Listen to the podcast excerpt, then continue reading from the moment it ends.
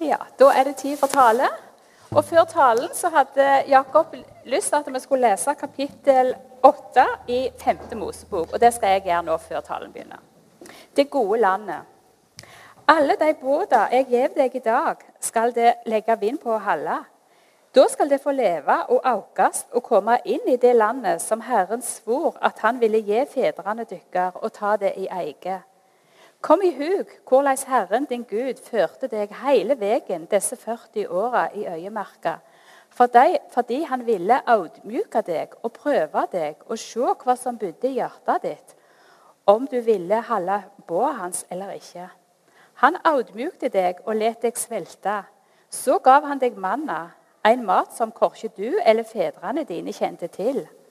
Han ville syne deg at mennesket ikke lever bare av brød, men av hvert ord som kommer fra Herrens munn.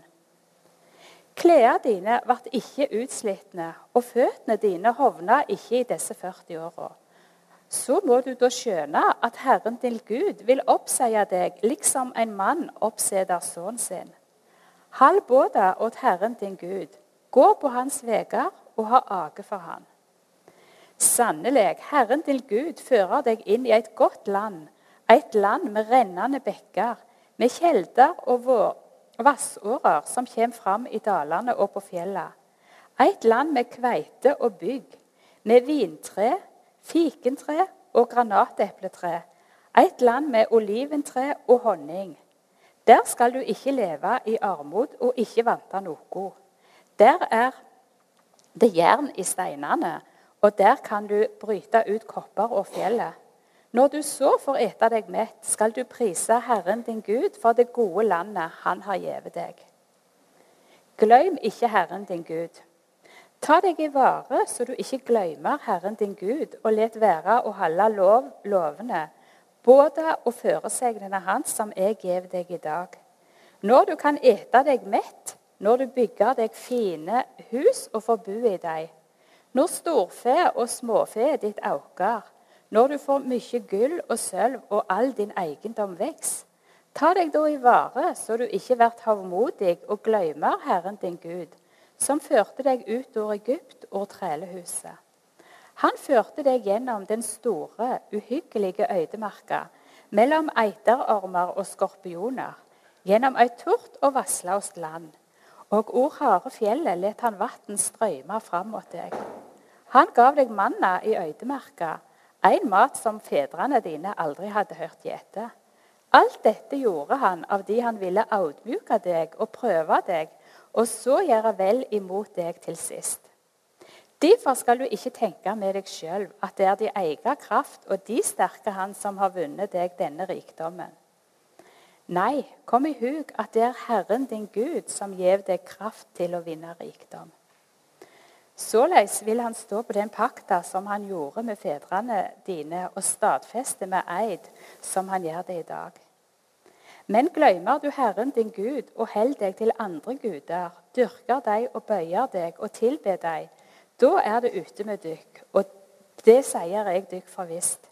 Liksom de folkeslaga som Herren gjør ende på for dykk, såleis skal det òg gå til grunne, fordi det ikke ville lyde Herren dykker Gud.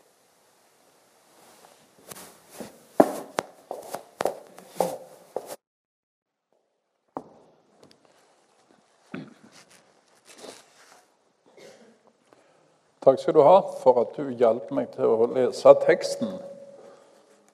Um, jeg skulle si litt om meg sjøl, Saud. Begynne med å Jeg kommer fra Madla. Mitt navn er Jakob Trodal. Og um, jeg er for tida forsamlingsleder i Salem.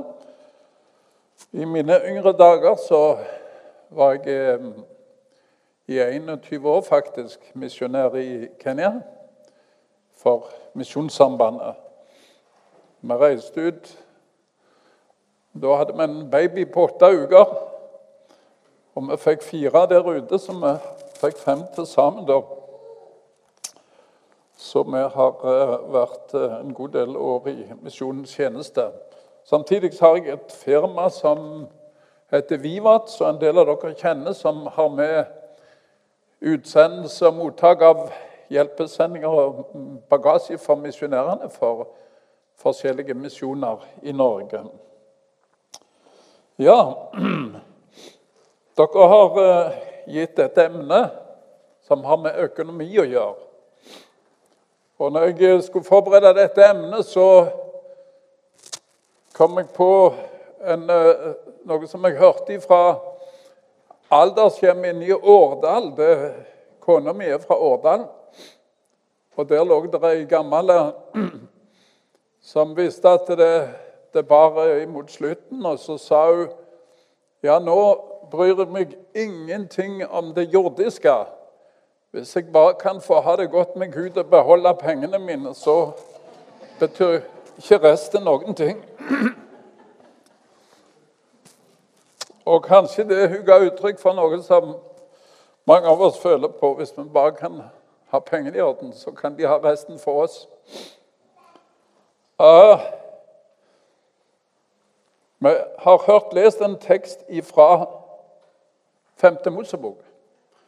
Og hver gang jeg eh, bruker tekst fra Mosebøkene eller Gamle testamentet, så pleier jeg ta med et vers fra Korinterbrevet, som Paulus sa til korinterne. Når han brukte eksempler fra Det gamle testamentet, så sa han f.eks.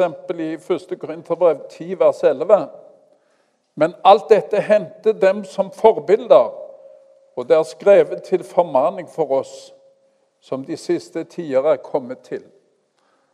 Altså Det som hendte i Det gamle testamentet, det er ikke bare noe som er gode historier. og Det var greit for Israel og greit for oss å ta det med. Nei, det er forbilder for oss. Det er noe som vi kan ta lærdom av. Og I dag har jeg tenkt å bruke to tekster fra Det gamle testamentet og uh, en tekst fra Det nye. Men jeg har tenkt å gå like tilbake til syndefallet. Emnet var i Kristus. Og så var det total forandring, og så var det økonomi. Så undrer dere dere kanskje hvorfor jeg da må gå like tilbake til syndefallet. Men ved syndefallet i hagen så ble det sprøyta satanisk gift inn i menneskets DNA. Og den gift den virka sånn at vi mennesker ville bli som Gud. Og vi, ville være Gud sjøl. Og vi ville fylle vårt eget hode, og vi tenkte vi vet bedre enn Gud.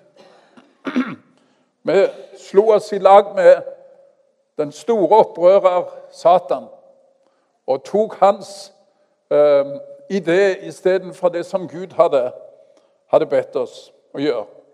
Og De to første slektene vi ser det allerede. Kain og Abel, som da ble drept. Men sett, så ser vi det allerede. Kains slekt. Flinke, dyktige, kreative, men rastløse og ugudelige. Og den syvende etter Kain Syvtallet er veldig viktig i hele Bibelen, men veldig viktig i de første kapitlene i i Bibelen. Den syvende. Han heter Lamek. Det var den første psykopat. Mens den andre slekta Istedenfor Abel så fikk Adam Eva en som heter Seth. Og denne Seth han fikk igjen en sønn som heter Enos. Og Enos betyr svakhet. Og Da står det i 1. Mosebok 4, 26 på den tid begynte de å påkalle Herrens navn. Når denne skulle lede slekt, og han som kalles Enos svakhet, han hadde bruk for Gud, da begynte de å påkalle Herrens navn.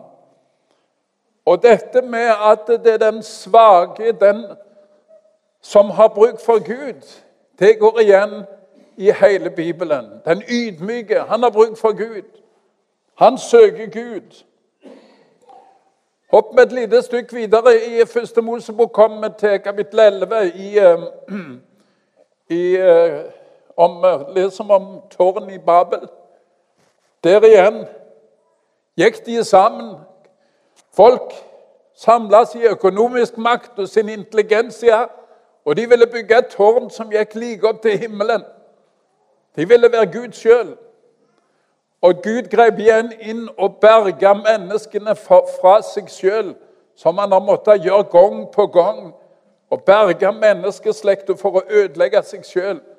Og så ga han de Babels eh, forvirring. Det kjenner dere til. Det er derfor vi snakker alle disse vanskelige språkene. For det at Gud måtte spre folk. For ellers ville de ødelegge seg. Ehm, med å samle seg i opprøret mot Gud. Og så kommer vi til utgangen av Egypt og ørkenvandringen. Og her i 5. Mosebok, det som vi leste, der er det Moses som taler til folk. Før 5. Mosebok det er i grunnen fire taler av Moses. De står med grensa til dette landet som de er blitt lovt. Moses har fått beskjed du skal ikke inn i landet. Men så repeterer han for dem gjennom taler at de må huske på det som har skjedd på denne lange vandringen i disse 40 år. Og han minner dem på Guds godhet, Guds omsorg. Og han minner dem på hva som skjedde når, når de, Gud måtte sende straffedom osv. Uh, framfor alt så minner han dem på ydmykhet, å være ydmyke. For skal dere overleve som folk, og skal Gud få velsigne dere, så må dere ha Herren til Gud og ydmyke dere for Hans ord. Så nå kommer dere inn i landet og skal begynne et helt nytt liv. På denne vandringen i 40 år der har Gud sørga for dere. Tenk der står at eh, skoene ble ikke utslitne. Teltene ble ikke utslitne, klærne ble ikke utslitne på 40 år. De fikk altså, Hver morgen kom de ut, og der lå maten på, på bakken. Dette er mannen. Og eh, når de eh, var tørste, så fikk de vann. Vann fra klippen. Og Gud skapte de alle ting. Men nå skal de inn i det lovede land. Og nå blir det slutt på mannen. Nå skal de eh, klare seg sjøl, og nå skal han gi dem et land med uendelig store muligheter. Og så er det han da holder denne talen som vi har lest i dag. Når du kommer inn i dette landet, og når du begynner å få uh, mange ting ut av dette landet. For det er et rikt land. Det er et land som der, der er kopper i steinene, der er fruktbare marker og ågrer osv. Så, videre. så når du kommer inn i dette landet her, og du ser at det, du begynner å lykkes, og ditt sølv og gull økes, og uh, kretturet økes, og så videre, så husk på at du ikke glemmer Herren din Gud. Vokt deg for at du ikke glemmer Herren din Gud. For når du var i ørkenen, da var du helt avhengig av Gud hver dag. Men nå skal du få i gave et land der du vil få rikdom, og der du vil få virkelig bruke alle dine gode krefter, og du vil få bygge dere hus og osv. Og, og når du lykkes, ikke hvis du lykkes, men når du lykkes Gud visste at de kom til lykkes. Så må du ikke glemme Herren din. Vokt deg at du da ikke opphøyer deg i ditt hjerte så du glemmer Herren din Gud. Det er et ordtak som sier det skal sterk rygg til å bære gode dager. Og her i Rogaland her vet vi hva det vil si. Å og bli velsigna med naturrikdommer osv. Tenk på den forskjellen som skjedde hos mange når olje og eh, rikdommene velta innover vårt land og vår, vår landsdel. Fra Stavanger sier de jo det ble total mental forandring. Før så var det en slags eh, beskjedenhet og ydmykhet i Stavanger, så de sa 'Jeg er fra Stavanger, gjør det noe?' Men etter olja så vet dere, så er det blitt sånn at 'jeg er fra Stavanger'. Var det noe du ville? Når vi klarer oss sjøl, så trenger vi ikke lenger Gud. Det er en fristelse. Økonomi, det er makt og selvstendighet og kan være en utrolig velsignelse. Og Gud sa at eh, i 5. Eh, Mosebok 28 at hvis du følger mine bud og lover, så skal du bli velsigna. Og det skal òg vise seg i materiell velsignelse. Og det kan en tydelig se rundt omkring, at den som skikker sitt hus vel, og som er ærlig og arbeidsom, klarer å bli økonomisk velsigna. Og det er en gave fra Gud, og en skal slettes ikke se på det som noe forbannelse i seg sjøl. Det er en gave fra Gud. Så det som Gud sier her, er ikke at eh, hvis du lykkes, men når du lykkes Når mine velsignelser du opplever mine velsignelser, da må du passe på at du ikke tror at dette er pga. at jeg var så flink sjøl, og pga. at jeg fikk det så godt til sjøl, og det er kun min ære. Men da må du huske på å gi Gud ære. Og kanskje det Det ble iallfall sånn for meg en påminnelse om at òg her i våre deler av landet så trenger vi å minnes på at, eh, at um, alt god gave er fra Gud. Nå har jeg vært i misjonær i Afrika, og vi uh, hadde en stor norsk koloni i Kenya, der en var ofte samla på Eller ikke ofte, men iallfall en gang i år rundt 17. mai og med andre høytider. Og det var sånn at når den norske kolonien kom i sammen, så skulle en da bidra med forskjellige ting, kaker og bidra på forskjellige måter. Og det var ganske underlig at de som jobbet for eh, organisasjoner som Norad og andre, ikke alle, men noen av de, de regna veldig fort om i penger. Hvor mye får jeg for det? Hvis jeg baker kake, hvor mye får jeg da? Mens de som var sendt ut fra misjonen, vi var vant med at det er sånn som vi gir. For det, det har vi vært opplært til ifra vi var små, at vi gir og vi bidrar. Og det er noe av velsignelsen en har fått med seg. Vi har levd i Guds ord. Og en ser at den kristne delen av eller gamle kristne delen av Norges land, det er det der er mest penger. Samme hva veldedig formål som eh, som eh, det samles inn til, så er det Sør-Vestlandet og Vestlandet som gir mest. For det at eh, Guds ord har hatt innflytelse på at en skal dele med seg. Og en skal ikke sitte på alt sjøl, og det er ikke velsignelse i å, å sitte på alt sjøl. Så det er altså punkt én. Når du lykkes, og du får deg rikdom, og når du får det godt, og du får et godt hus, så glem ikke Herren din Gud.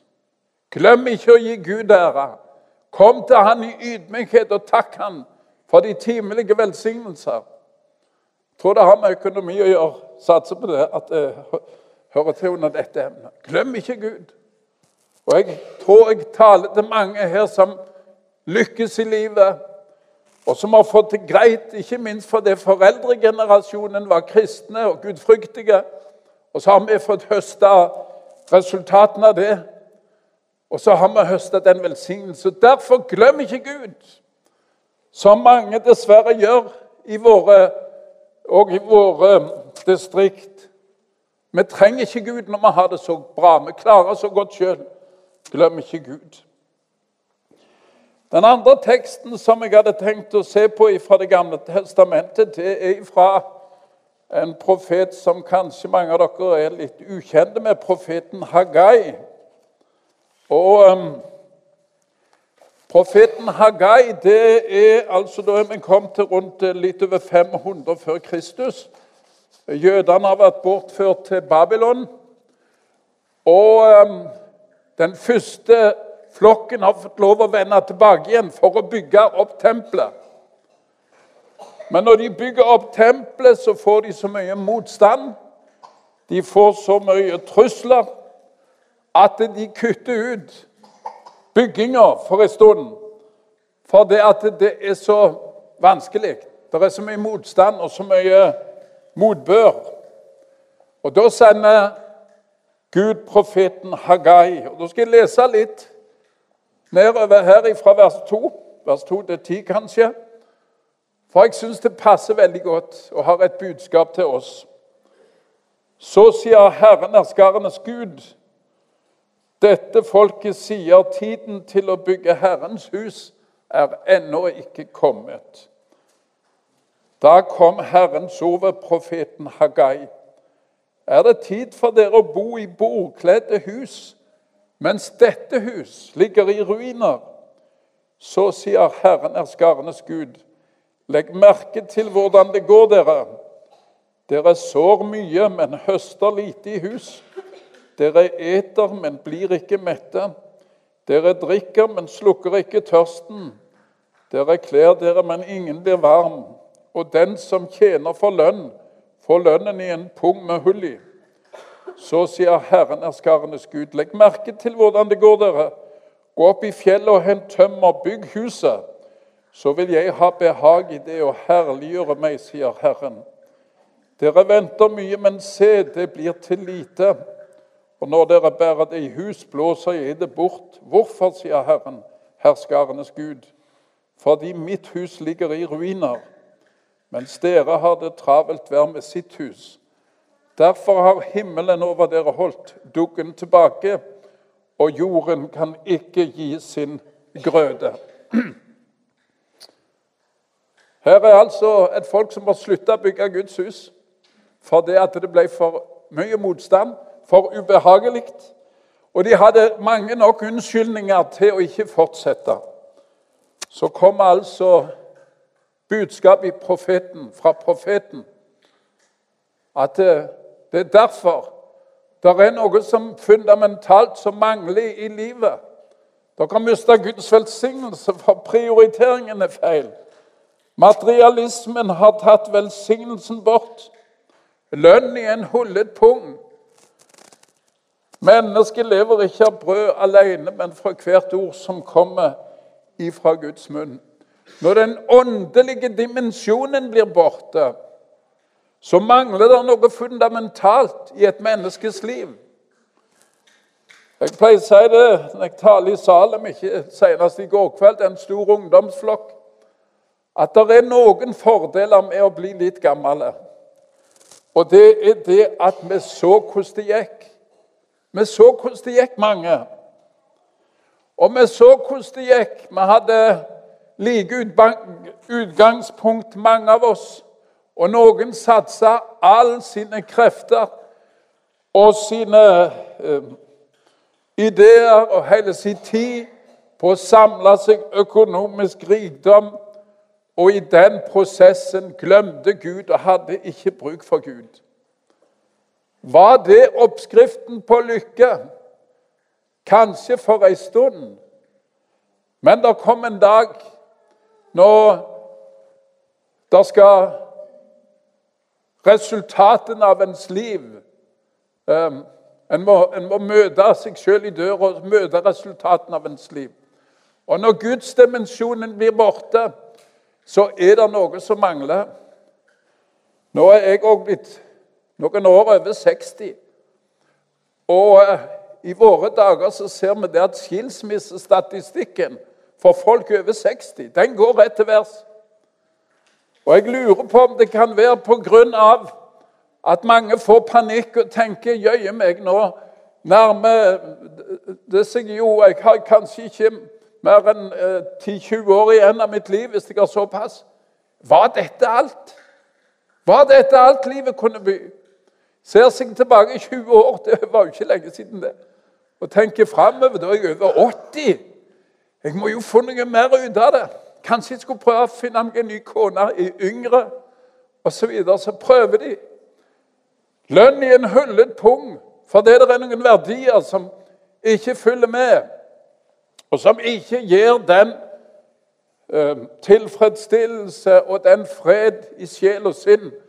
Når en går imot alderdommen, så ser en òg at uten Gud så er livet tomhet. Og når jeg tenker tilbake igjen, så er det iallfall blitt sånn for meg at For en har jo vært med på ganske mange ting, eh, eh, både i Norge og i Afrika. Men det som sitter igjen, det som jeg fikk gjøre for Gud, det er det som sitter igjen. Det var det som var verdt noe. Det at jeg brukte tid med mine barn til å lære dem Guds ord. Og Det at vi brukte tid å be disse småting som ikke viste noe særlig til hverdagen Guds frykt i de små ting, det var det som hadde verdi. Det var det som gir frukter. Det var det som gir velsignelse på lang sikt. Mens den som glemmer Gud, er det eksempler nok på. Det er ikke noe igjen i pungen. Det forsvant alt. Hva skal jeg med all rikdommen jeg kommer til slutten av mitt liv? Og det er, det er liksom ikke noe igjen. Det hadde ikke noe mer å gi meg. Det var punkt nummer to. Glem ikke Guds hus og ta gudsdimensjonen med i livet og i det økonomiske liv. Glem ikke Guds rikes arbeid når det gjelder og hva du bruker dine midler til. Men det kommer jeg litt inn på nå, på det siste punktet fra eh, noen Guds eh, ord fra Timotius' brev. Her skriver Paulus til Timotius. Og Timotius han var i Efesus, og han var satt der til å undervise eh, menigheten en ny menighet. Og så sier han fra kapittel 6 i 1. Timotius brev, vers 6 Guds frykt med nøysomhet er en stor vinning. For vi hadde ikke noe med oss inn i verden, og det er klart at vi heller ikke kan ta noe med oss herifra. Jeg husker jeg leste en historie om ei styrtrik dame i Amerika som ble begravd i en Mercedes. De, de uh, pynta opp i dyre klær og satte den med rattet i død tilstand og begravde bilen og, og hele greia. Må nå hatt noe nytte av den i dødsriket. Stupidity, tomhet. Har vi mat og klær, så la oss nøye med det. Men de som vil bli rike, faller i fristelser og snarer og mange slags dumme og skadelige lyster som senker menneskene ned i undergang og fortapelse. For pengekjærhet er en rot til alt ondt. I sin lyst etter penger har noen faret vill fra troen og har gjennomboret seg selv med mange piner. Pengekjærhet er rot til alt ondt. Får jeg bare beholde pengene, så kan de ha resten for meg, sa hun. Og det er noe med det hvordan dette med penger kan gripe oss, og materialismen kan ta tak i oss. Men hvordan òg materialismen kan gjøre det sånn at vi blir aldri fornøyd. Vi ser at naboen har fått ny sofa eller ny bil og greier, og så vekkes det noe i oss, en misunnelse eller en slags konkurransementalitet. Han skal sannelig ikke Jeg skal ikke være dårligere enn han, osv. Og, og så blir jag etter materialisme og penger det som blir drivkraften i ens liv. Og det å jage etter å lykkes, det er ikke galt. Men uten Gud så er det tomhet.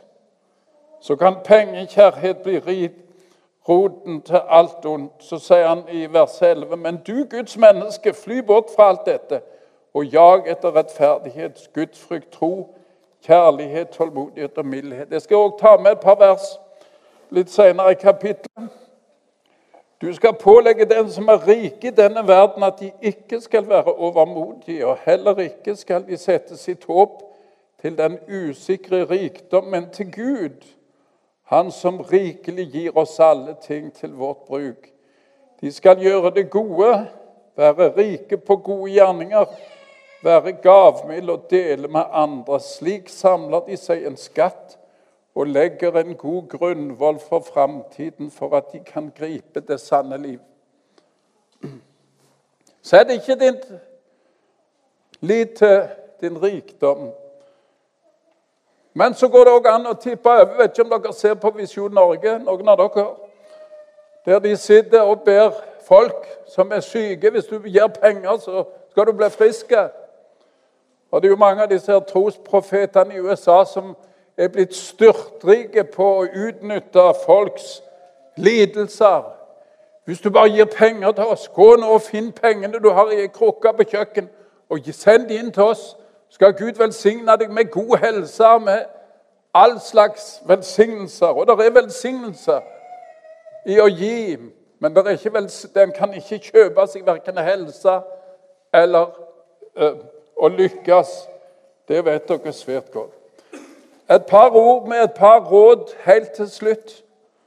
Eh, fra Malakias, siste profeten i Det gamle testamentet, kapittel 3, vers 10. Ehm, der står det noe om å gi tiende. Det var jo sånn i Israel at Gud sa til de tiende, gi tiende til Guds rike. Og jeg er blitt imponert av en god del ungdommer som jeg kjenner, som har egen konto og setter inn 10 av lønna selv om de har avdrag å betale og utgifter. Så setter de inn penger på den kontoen. Så står det altså her Bær hele tienden inn i forrådshuset, så det finnes mat i mitt Prøv meg på denne måten, sier Herren er skarnes Gud om jeg ikke vil åpne himmelens luker for dere og øse ut velsignelser over dere i rikt mål. Tiende, kanskje det var noe for deg å tenke på, du som ikke får skikk på ditt uh, offerliv, eller hvor mye penger du skal gi. Så er det god dekning i oppmuntringene i Bibelen til å gi tiende. Men det er slett ikke noe krav. Det er ikke noe krav i Det nye testamentet til at en skal gi, eller hvor mye en skal gi. Men Paulus gir eh, et annet råd til korinterne. Kapittel 16 i 1. Korinterbrev, vers 2. Der er det innsamling til de fattige menighetene i Jerusalem. Og Der gir han dem et veldig godt prinsipp, og det vil jeg slutte med. For den første dag i uken skal være dere hjemme hos deg seg selv legge til side det han får lykke til. For at ikke innsamlingen først skal begynne når jeg kommer. Her er det innsamling til de fattige i Jerusalem. Og Paulus han krever ikke noe, men han innenfor Gud legg til side det du får lykke til. Søk Gud, la Han få røre ved deg. Og så kan du i bønn til Gud bli enig eller se, oppleve hvor mye du skal gi.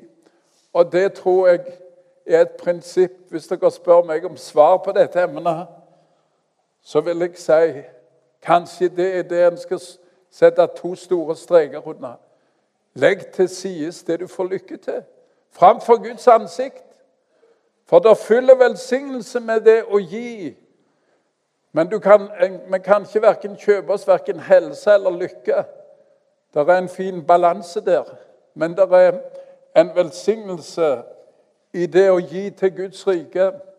Det har mange av oss fått um, oppleve, selv om vi ikke ble rik, voldsomt rike. Det der å være rik det er jo en definisjonssak. I Afrika så var det sånn at de som visste hva de skulle spise dagen etterpå, de var rike. For de hadde jo mat nok. Og Sånn er det jo et definisjonsspørsmål. Hvem som er rik, og hvem som ikke er rik. holdt jeg på å si. Men når det gjelder det med Guds rike, så tror jeg jeg vil understreke dette på en dag i uka. Eller legg til side det du får lykke til framfor Guds ansikt.